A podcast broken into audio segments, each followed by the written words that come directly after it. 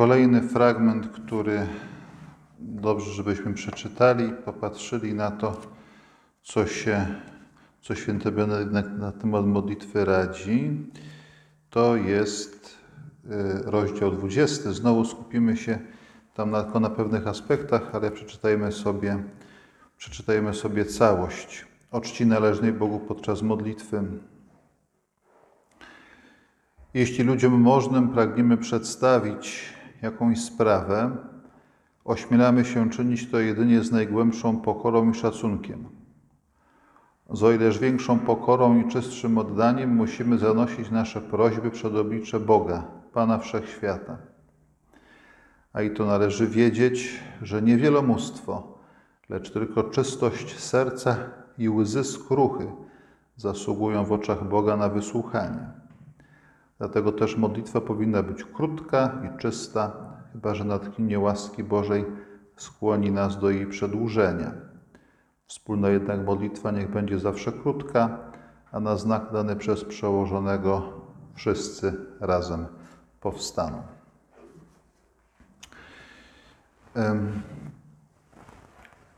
Na początek jeszcze taka uwaga troszkę archeologiczna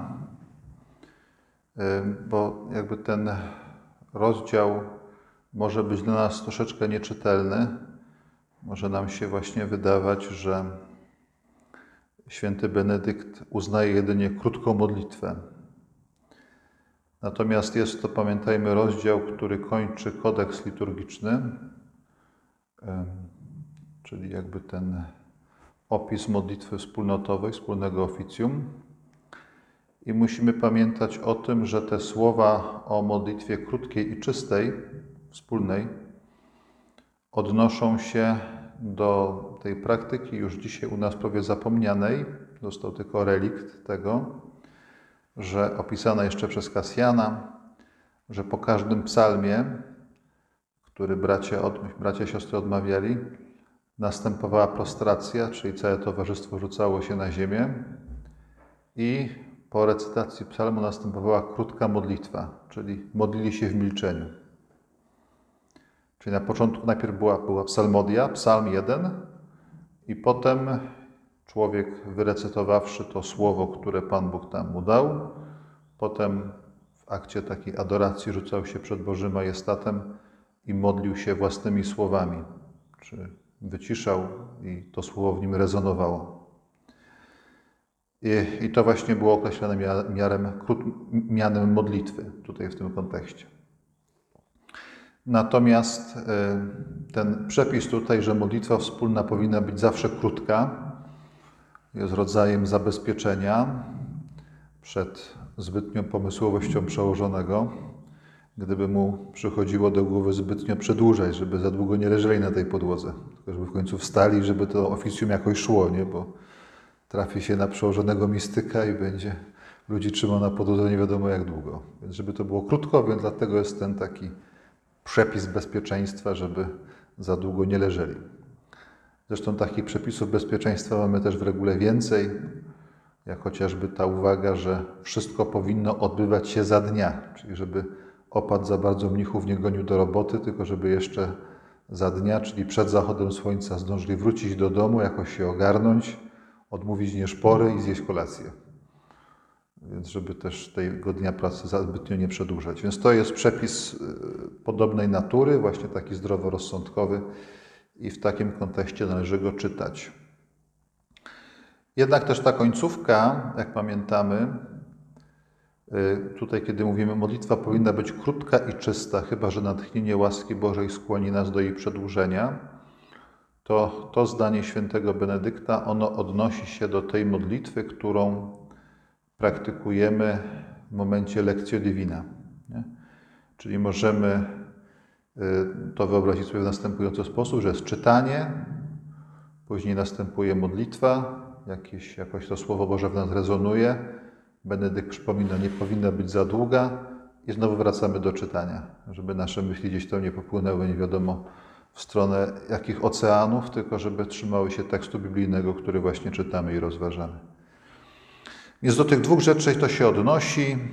do lekcji Divina, że ta modlitwa w czasie lekcji powinna być krótka i wracamy do tekstu, znowu go czytamy, tam po raz kolejny czy czytamy dalej i odnosi się do oficjum. U nas reliktem tego jest krótkie milczenie po czytaniach, zarówno w godzinie czytań, jak i w pozostałych godzinach kanonicznych, że właśnie zachowujemy milczenie. Tylko tyle z tego zwyczaju opisanego przez Kasjana nam na dzień dzisiejszy pozostało.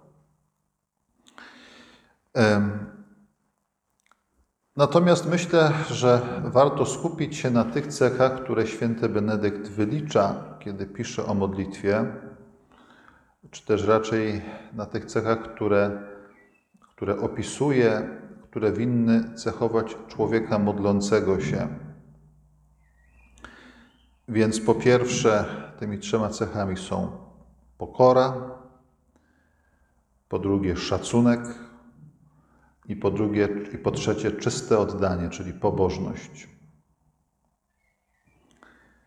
I potem Benedykt dodaje, że są e, dwie cechy, które sprawiają, że modlitwa zostaje wysłuchana.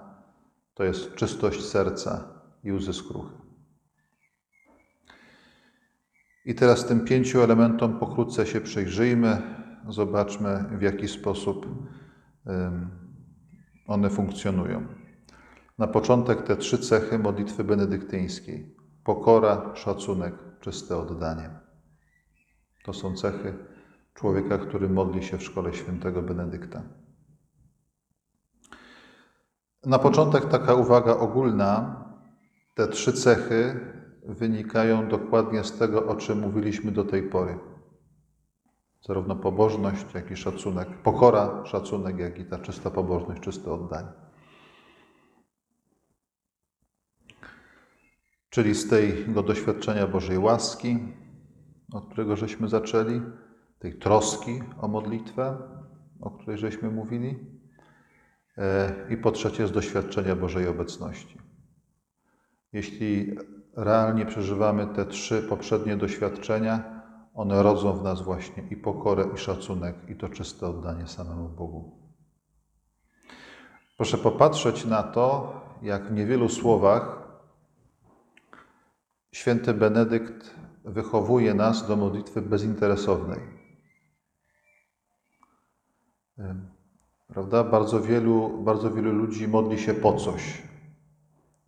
Modli się, żeby czegoś zaznać, modli się, żeby coś wyprosić, modli się, żeby, żeby było im dobrze, żeby się wyciszyć, albo tam z jeszcze jakiegoś innego powodu. Natomiast Benedykt stara się wychować ludzi, którzy będą modlić się dla samego Pana Boga, bezinteresownie. Jakby dostrzegą, że modlitwa, czyli spędzanie z Bogiem czasu samo w sobie ma wartość, bez względu na to, jak idzie. Ta bezinteresowność tutaj, jak sądzę, jest bardzo, bardzo ważna. Nie modlę się dla czegoś, modlę się dla Boga po prostu. Więc pierwsza cecha tej osoby, która w modlitwie w szkole świętego Benedykta się oddaje, to jest pokora. I tutaj od razu możemy jakby tak dopowiedzieć sobie, dopisać sobie cały y, ten sposób modlenia się e, i w tym duchu możemy przeczytać siódmy rozdział reguły o pokorze. Myślę, że byłby to bardzo ciekawy eksperyment, gdybyśmy rozdział siódmy przeczytali jako podręcznik modlitwy. 12 kroków modlitwy. Tak też można ten rozdział odczytywać. 12 kroków w modlitwie.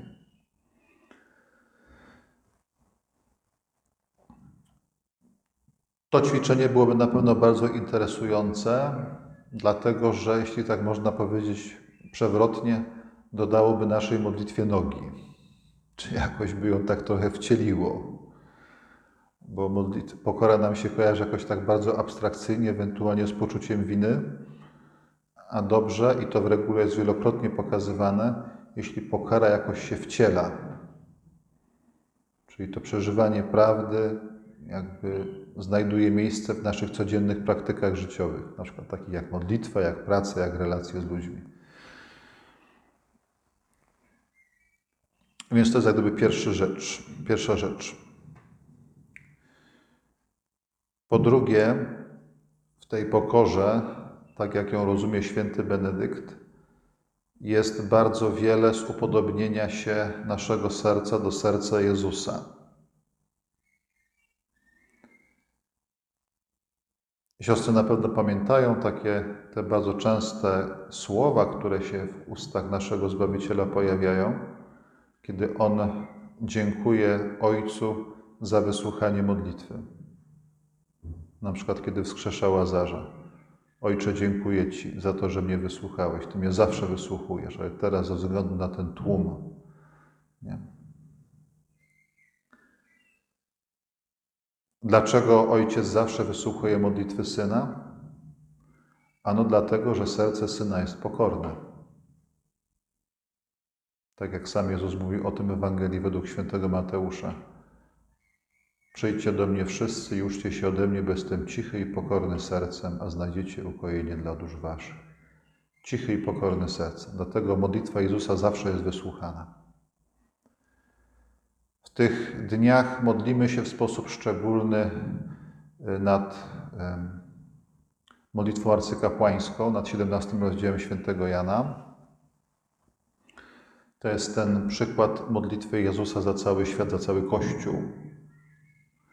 Czasami możemy się zastanawiać, jak to w teologii Janowej jest powiedziane, że Jezus jest u Ojca i wstawia się tam za nami. W jaki sposób? Możemy zobaczyć przez dziurkę od klucza, właśnie czytając 17 rozdział świętego Jana.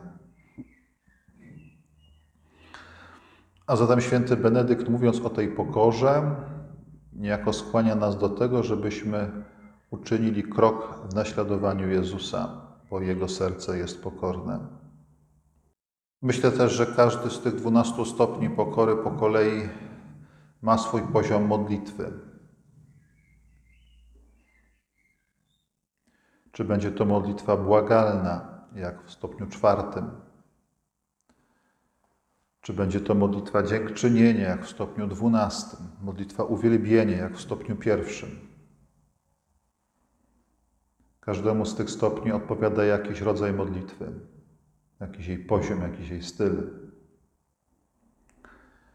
Proszę zobaczyć, jak to pokazuje nam bogactwo tej cnoty że pokorny człowiek jest niezwykle, powiedzielibyśmy, uduchowionym. Kimś, kto nie tylko bardzo do Boga się zbliżył, ale też Bogu ma wiele do powiedzenia i wiele ma od Boga do wysłuchania. Więc jest to takie bardzo poruszające. Obok pokory Drugą cechą tej osoby, która modli się w szkole świętego Benedykta, jest szacunek względem Boga, rewerencja. To najmocniej wynika z doświadczenia obecności Boga. Zdaję sobie sprawę, że Bóg jest przy mnie zawsze obecny, zawsze odnoszę się do Niego z szacunkiem. Siostry pamiętają, to chyba w liście Jakuba jest napisane: Bóg nie dozwoli z siebie szydzić ale oczekuje od nas pokory, szacunku. W tym słowie rewerencja nie ma nic jakby z lęku. To jest raczej bardzo głębokie zdanie sobie sprawy z tego, kim jest Bóg, bardzo głębokie przyjęcie tego do serca, że jest Ojcem, że jest wszechmocny, że nas stworzył, że nas odkupił, że będzie nas sądzić. Wszystko to, co mówią nam poszczególne prawdy wiary o Bogu. Potem człowiek patrzy na własną nędzę, może się trochę zdumieć, że Pan Bóg ma do nas taką świętą cierpliwość, że nas tyle lat znosił cierpliwie, mimo żeśmy się zachowywali, jakśmy się zachowywali. Czasami jak gruboskórne zwierzęta, bez pomyślenia i bez jakiegoś wyczucia taktu. I jakby ta konstatacja właśnie, że Bóg mimo wszystko w dalszym ciągu cieszy się naszą obecnością, budzi szacunek, właśnie tą rewerencję. Kim On jest, że nas tak miłuje i tak długo nas znosi? Jaki On jest? Więc w tym szacunku jest bardzo dużo uwielbienia. Tam jest bardzo głęboka nuta wdzięczności, jakiegoś dziękczynienia. I to właśnie jest ta czysta pobożność, czyli trzecia, czyli trzecia cnota. Pura devozione. Czysta pobożność, czyste oddanie, tak możemy to rozumieć. Oczywiście zaraz może w nas się narodzić jakby skrupuł, że nie jesteśmy wcale tacy czyści. Zawsze jak mamy takie skrupuły, to sobie warto przypominać ten apoftegmat, jak jeden z braci przyszedł do starca i się skarżył, że właśnie jego działania nie są wystarczająco czyste, że zawsze jest tam domieszka albo jakieś interesowności, albo jeszcze tam jakaś inna i, i że on nie jest wcale taki, taki świetny, tylko właśnie no tak trochę nie zachowuje się tak, jak powinien. I co on ma teraz robić? Czy ma zaprzestać tych dobrych dzieł, czy jak? A starzec mu powiedział, że było dwóch ludzi, którzy obsiali pole zboż, zbożem. Jak zboże wzeszło u jednego i drugiego, to się okazało, że u jednego i drugiego zboże było pomieszane z chwastem. Jeden mówi, to nie będę zbierał. A drugi mówi, no zbiorę to, co jest. I starzec pyta, przyjdzie głód, to który przeżyje? No i młody mówi, no, że ten, co zebrał z chwastem. Mówi, no więc rób, co możesz, nawet jeśli jest to tam nie do końca w porządku czy czyste, a Bóg zrobi resztę. Rób, co możesz. I tak też ta rzecz ma się, i tak też ta rzecz ma się z tą czystą pobożnością. Na koniec mamy czystość serca, czyli te dwie cechy, które jakby sprawiają, że modlitwa przed Bogiem jest coś warta. Czystość serca, czyli pokora, innymi słowy. Też to, co, o czym mówi Kasjan w pierwszej rozmowie. Czyli właśnie to czyste oddanie. I łzy skruchy. Czyli z jednej strony oddawanie Panu Bogu tego, co Mu oddać mogę, czystość serca. Na ile jestem w stanie, na tyle Mu się oddaję. A czego Mu jeszcze oddać nie mogę, albo co mi sumienie wyrzuca, to oblewam łzami skruchy. Czyli wyznaję Mu ze wstydem, że to jeszcze jest murem między nami, to jeszcze jest czymś, co mnie trzyma do starego człowieka, że tego nie potrafię się jeszcze pozbyć, ale tak jak mogę, tak Mu to oddaję. I te łzy skruchy jakby to uświęcają, rozpuszczają tę te, te skorupę. I też Bóg bierze to w ręce takie, jakie to jest. To są więc te cechy modlitwy, o której pisze święty Benedykt. Myślę, że warto do nich wracać, a zwłaszcza pomyśleć o tym rozdziale siódmym naszej reguły i spróbować go też przeczytać jako o 12 stopniach modlitwy. To może być bardzo interesujące. I popatrzmy na rozdział 52 reguły, który mówi nam o klasztornym oratorium. Benedykt pisze tak. Oratorium niech będzie tym, na co wskazuje jego nazwa.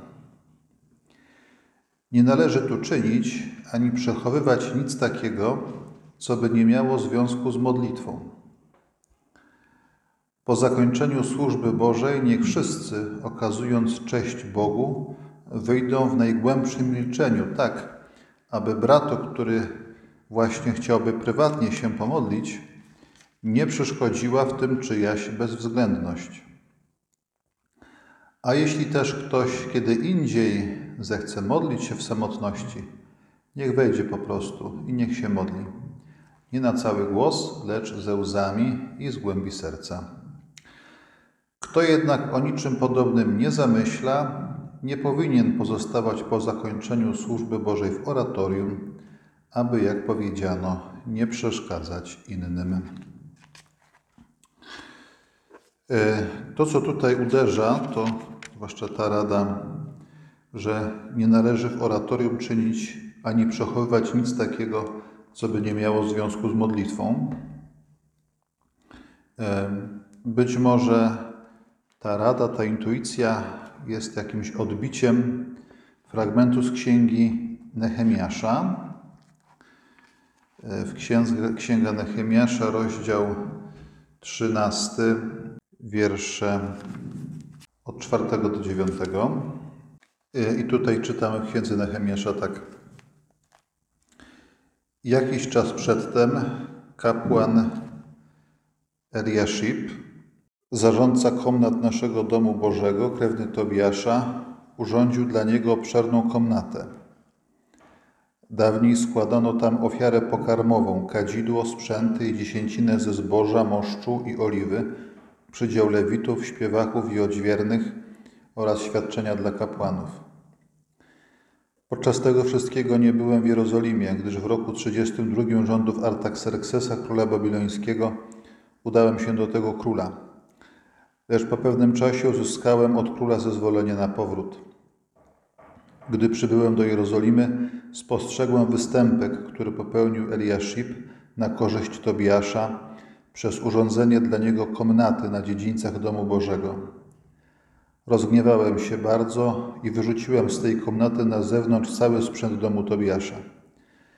Wtedy kazałem oczyścić tę komnatę i z powrotem przyniosłem do tego miejsca sprzęt domu Bożego, ofiarę pokarmową i kadzidło. Więc jakby analogia pomiędzy tym, tą, tą intuicją Benedykta, aby oratorium było po prostu oratorium, a tutaj no, nie mamy do czynienia z miejscem, którym odbywał się kult, tylko rodzajem magazynu, w którym przechowywano po prostu ofiary, y, znaczy to, co miało być złożone na ofiarę i te dziesięciny przeznaczone dla Bożych sług, ale jednak no, Nehemiasz broni sakralności miejsca. Nawet jeśli chodzi tylko o zwykły magazyn, to jest to magazyn przeznaczony na rzeczy święte. Więc można sobie jeszcze potem raz to przeczytać. Księga Nehemiasza, rozdział 13, wersz, wiersze od 4 do 9. W każdym bądź razie ten rozdział 52 o klasztornym oratorium pokazuje nam, bo wcześniej skupialiśmy się na aspekcie indywidualnym, ale ten rozdział 52 pokazuje nam, że nasza modlitwa, nawet jeśli ktoś modli się prywatnie, ma wymiar wspólnotowy i w jakiś sposób od wspólnoty zależy. Czego wyrazem jest nasze, nasze oratorium, nasz chór, tak jak tutaj w sierpcu jest osobne pomieszczenie do tego przeznaczone.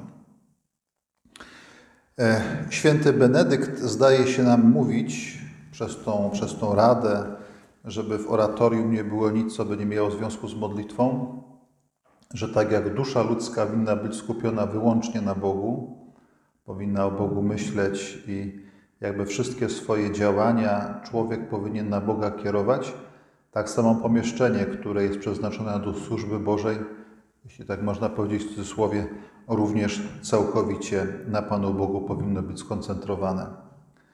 Kiedy przychodzimy jakby z zewnątrz, zabiegani różnego rodzaju sprawami, jakimiś zmartwieniami, bo, bo remont, bo coś przyjechał, bo nie zdążyliśmy czegoś zrobić, bo jakieś inne jeszcze zmartwienie, więc jesteśmy tacy no, rozedrgani, jak to normalnie jest w ciągu dnia, kiedy są liczne obowiązki, ale wchodzimy do chóru, który jest urządzony według wskazań świętego Benedykta i to jego urządzenie skoncentrowane na Bogu ma pomóc przywrócić pokój również naszej duszy. Dlatego Benedykt tak to, tego przestrzega, żeby nie było tu nic niezwiązanego z modlitwą. I być może to, że do chóru przychodzimy częściej w ciągu dnia, nawet przechodząc y, mimochodem obok niego, żeby nawet nie na długo, tylko żeby przyjść, uklęknąć, powiedzieć: Panie Boże, jestem, czuwam, i potem za chwilę pójść z powrotem do swoich obowiązków, to nawet takie krótkie wizyty łatwiej nam potem jest tę, to skupienie przywrócić, czy te wszystkie cnoty, o których żeśmy wcześniej mówili. Więc jakby można tak powiedzieć, istnieje szczególny związek pomiędzy ludzkim sercem a chórem, którym się człowiek modli. Więc częsty powrót do niego również sprzyja skupieniu i takiemu porządkowaniu naszej duszy. Tak jak powiedziałem, ten rozdział mówi o wspólnotowości, również modlitwy prywatnej. I myślę, że dobrze, abyśmy sobie uzmysłowili, tak jak ten rozdział sugeruje, że mogę pomóc w modlitwie drugiemu, mogę pomóc w modlitwie mojemu współbratu, mojej współsiostrze, najlepiej wtedy, kiedy będę okazywać mu szacunek. W tym rozdziale 52 to bardzo mocno dochodzi do głosu. Nie, że jak ktoś, jak wychodzimy z chóru, to wychodzimy jakby w ciszy, żeby nie przeszkadzać bratu, który właśnie chciałby prywatnie się pomodlić. Czyli okazując mu szacunek, jego natchnieniu, jego pragnieniu, żeby pobyć sam na sam z Panem Bogiem. Ale tę intuicję Benedykta można rozszerzyć, jeżeli okazujemy sobie szacunek na co dzień w domu, jeżeli są drobne gesty miłości, jakiejś takiej wzajemnej życzliwości, to w naszym życiu odpada cała masa różnego rodzaju stresów, walk, jakichś zmagań y, osobistych, bo ktoś mi coś powiedział, ktoś na mnie popatrzył w taki czy inny sposób. Wszystko odpada i człowiek niejako szybciej do tej modlitwy takiej czystej, bezinteresownej może wystartować. Nie musi się oskorbywać z tych różnych mm, zaburzonych relacji, które są w domu, ale od razu może do tej modlitwy przystąpić właśnie w sposób czysty. Więc chcemy, żeby nasi współbracia, nasze współsiostry się modlili, modliły lepiej, bardziej, mocniej. Okażmy im na co dzień szacunek. To wtedy też łatwiej będzie im się modlić, bo dusza wtedy lżejsza i bardziej człowieka do, do modlitwy ciągnie. Można traktować to oratorium również jako rodzaj portu, właśnie do którego zawijamy po to, żeby od czasu do czasu naładować te swoje baterie i myślę, że warto też sobie taki rachunek sumienia zrobić, jak często poza oficjum jestem w chórze. Myślę, że przynajmniej tak raz tak w ciągu dnia wypada zajść, nawet na krótko, na chwilę, poza rozmyślaniem, poza wszystkimi innymi rzeczami, tylko po to, żeby pozdrowić Pana Jezusa w Najświętszym Sakramencie, chociaż na chwilę. To jest taki bardzo dobry zwyczaj, trochę tak jak doprawienie zupy nie potrzeba dużo, a smak jest zupełnie inny. Ten rozdział też nam przypomina o tym, i jest to bardzo, ważne, bardzo ważna obserwacja świętego Benedykta, kiedy święty Benedykt mówi nam o tym, że, e, czy tak sugeruje w pewnym sensie, i o tym, że dobrze by było, żebyśmy mieli nasze własne święte miejsca, czyli nasze, do naszej prywatnej modlitwy czyli nasz kąt w celi, w którym się modlimy. Nasz kąt w ogrodzie, gdzie chodzimy z Pismem Świętym. Nasze ulubione miejsce, e, nie wiem, jakąś ulubioną kaplicę, ulubione sanktuarium, ulubione takie rzeczy, które nam pomagają się skupić. Takie miejsce, do którego wchodzimy, czy do którego się przenosimy nawet w duchu, chociaż na chwilę, i to od razu nas stawia w tajemnicy Bożej obecności. To są wszystko właśnie te rzeczy, które sprawiają, że człowiek modli się o wiele bardziej. Ten rozdział 52 mówi nam również i o tym, że nie samym duchem żyje człowiek, ale również niezwykle ważne jest nadanie tych takich materialnych podstaw naszej modlitwie, czyli właśnie, żeby była święta przestrzeń, jaką jest kaplica, czy właśnie to miejsce w celi, jakaś ulubiona figura, rzeźba, obraz, coś takiego, który pomoże nam skłonić na nowo nasz umysł do pobożności. Więc nie tylko, że żyjemy w świecie duchowym, ale też ten wymiar materialny, materialny tego świata również odgrywa bardzo dużą rolę.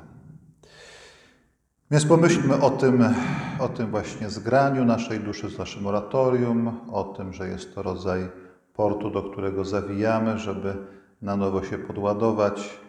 Pomyślmy o tym, żeby okazywać szacunek braciom, siostrom, żeby przez to również skłonić ich do modlitwy. To są też właśnie bardzo ważne rzeczy.